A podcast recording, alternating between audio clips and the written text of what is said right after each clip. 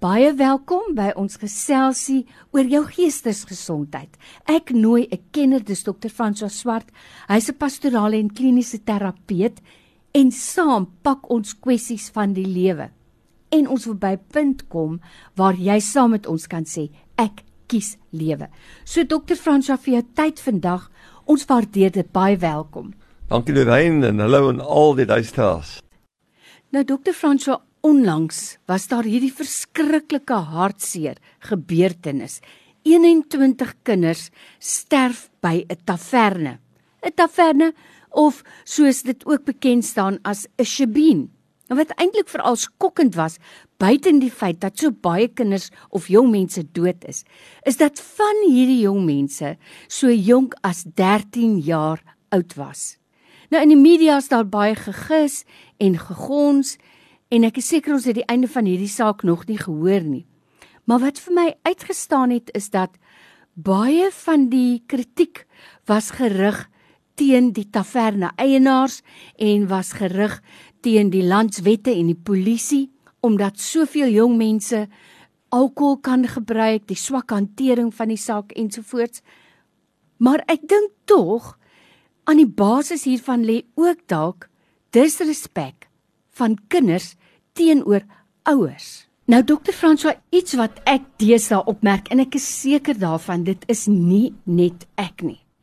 Is hoe kinders ouers manipuleer. Iemand het eendag gesê deesdae kry ons streng kinders en gehoorsame ouers. En as ek so kyk na van die SMS'e en die WhatsApps wat luisteraars vir my stuur, dan kla baie mense daaroor dat hulle amper bang is vir hulle kinders. Hulle kinders is rebels en opstandig. Hulle het nou lyk like my alboel oorgegee en aanvaar, die kind gaan nie vir my luister nie. Maar dan kom daar nog 'n element by. Hulle raak half skrikkerig vir die kinders.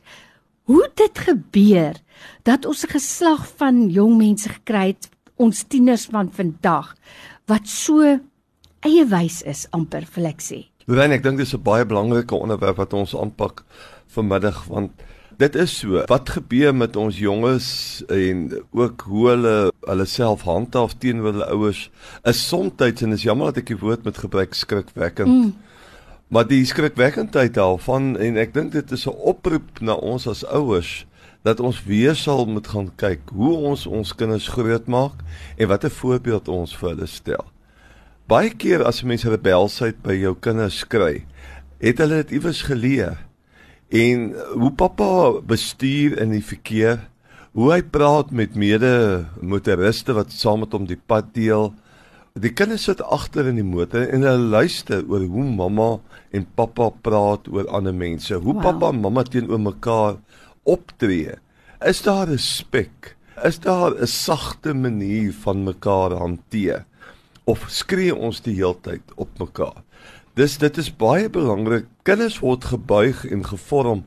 Gedragswetenskaplike ouens is sterk eens daaroor dat die eerste 5, 6 jaar van kinders se lewe is van kardinale belang wanneer dit gaan oor 'n uh, waarde soos respek en uh, selfhandhawing en dat 'n mens dit op 'n sekere manier moet moduleer.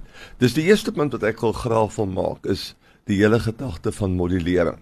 Hoe was jy en hoe praat jy met jou vriende voor kinders? Hoe reageer jy op situasies?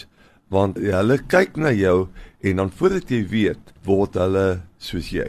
Sjoe, dit is regtig 'n wekroep dink ek vir ons as ouers ook. Weet ek onthou jare terug was daar so advertensie. Dan hoor jy die mense groet by die deur. Totsiens, totsiens, dan klim hulle in die kar, dan klap die kar deur toe, dan hoor jy die twee in die kar sê: "Gawe mense, die venters is tog jammer dat onaangename huisreuke die atmosfeer bederf." En toe dink ek daaraan, dis verskriklik as jy moet dink dat jou kinders hoor die oomblik as mense uit die sig en uit die gehoor is wat jy met mekaar praat. So modellering is vir my beslis 'n groot punt. Maar daar's tog ook iets anders. En ek het al gewonder, word ons kinders nou deesdae baie baie bewus gemaak van hulle menseregte? As ek byvoorbeeld luister na radio advertensies dan sê dit vir kinders, jy kan self kom vir jou inenting of jou voorbehoeding of wat ook al. As jy wil, kan jy vir mamma saambring. Maar hulle word van nou lyk vir my van jongs af geleer, jong, jy het baie regte. Is ek reg of verkeerd? Ons het sopas menseregte dag gevier en ek hou nie baie van die woord menseregte nie.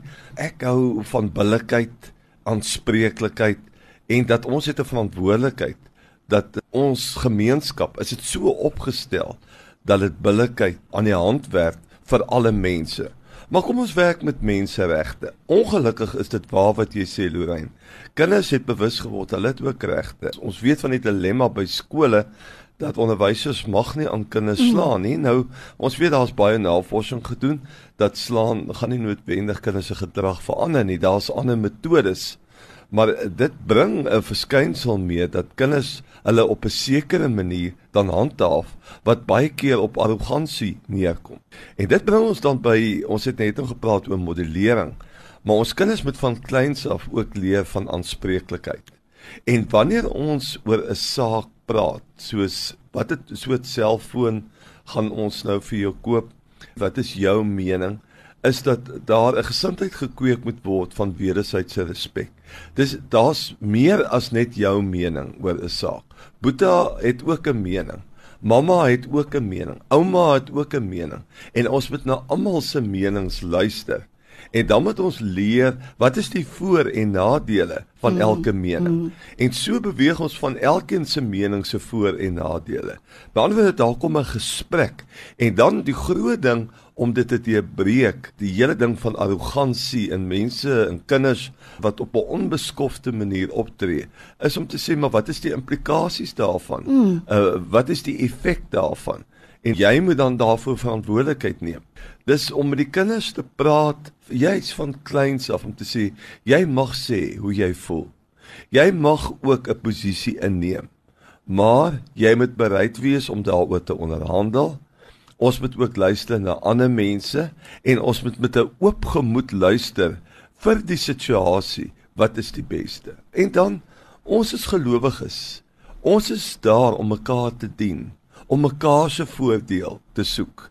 Ek as kind kan nie die hele tyd net my eie voordeel mm. in 'n situasie soek nie. Ek moet weet, ek moet soms deel. Ek moet altyd asseblief sê, ek moet altyd dankie sê. Ek moet altyd beleef optree. Dit is wat Jesus van ons verwag. Dis ons het 'n kode waarvolgens ons lewe. En dit kom baie keer in terme van jou eie verhouding met die enige God. Waar staan jy? Dis 'n eh, die waardes wat gedra word in daardie huis, in daardie kind se lewe.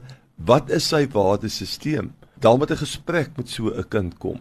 En baie keer dit help dan dat ons vanaf dieselfde bladsy afwerk wanneer ons besluite maak in situasies. Nou by my in ateljee ek vir dokter François Swart. Hy's kliniese en pastorale terapeut en ons gesels oor lewenskwessies. Ons wil jou by 'n punt bring waar jy sê maar ek kies lewe. Kinders moet besef van jongs af dat aksies het gevolge, dat regte kom saam met voorregte, kom saam met verantwoordelikheid. Dis belangrik Maar dan het ek nou gewonder, ons het nou vroeër uh vir mekaar gesê in die ou dae het ons sê kinders moet gesien word en nie gehoor word nie.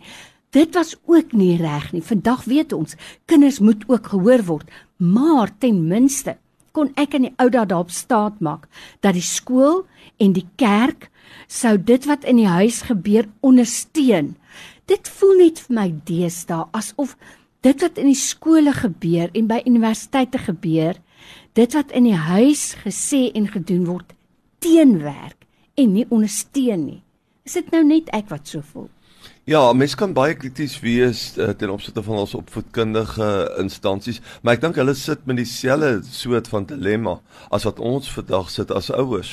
En dit kom seker op langs die sosiale platforms. Mm. Dit kom uh, met die Google generasie dat jy eintlik nie meer mamma se insigte, pappa se insigte nodig nie, want as jy iets wil weet, dan Google jy dit. Spaar. Jy voel ehm um, jy het ander bronne wat jy volg en veral ons jonger kinders, die groepsgevoel om cool te wees, die waardes van die groep dit staan baie keer voorop. En Lorraine, ons was ook daardie toe ons jonk was, waar 'n mens alles rondom jou bevraagteken en net die groep se waardes is die belangrike ding. Die groot ding is om jou kanaal oop te hou met jou kind om te kom sê ek wil graag hoor wat is jou mening om respek te hê vir jou kind se mening mm. en te sê mamma weet nie so baie van rekenaars nie Mamma weet nie mooi wat met daai partytjie gaan gebeur nie. Pappa weet ook nie. Maar ek wil vra jy moet vir ons kom vertel en 'n gesprek daaroor te voer. En te sê maar uh, in terme van hierdie situasie, wat is die voor en die nadele daarvan? En kan ons as gesin en as pappa en mamma en jy as ons kind kan ons saam besluit dat ons is deel van die familie van Jesus Christus. En pappa en mamma is nie eintlik die leiers hierson nie. Jesus in in die Vader en die Heilige Gees is ons leier. Mm. In hoeverre is jy ook bereid om saam met ons 'n volger van Jesus te wees? En, dit is ons liniaal. Nie pappa of mamma wat jou pret wil bederf of die skoolhoof of jou onderwyser of een of ander gesagsfiguur by die kerk of die pastoor of leraar nie.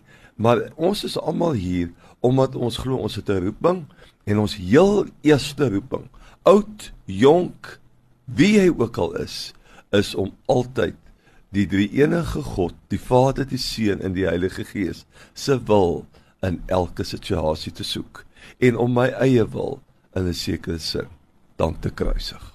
Maak vir my so baie sin en Iets wat ek nou vandag weer eens net kom leer het, is dat ek as 'n ouer vir my kinders ook kan weerloos wees, dat ek ook kan openbaar my swakhede en nie hoef te skaam te wees daarvoor nie. Dr. Fransja vir jou tyd vandag weer baie dankie. Ek wil hê jy moet weet ons waardeer dit. Dankie Lorraine, goeie aan al die luisteraars.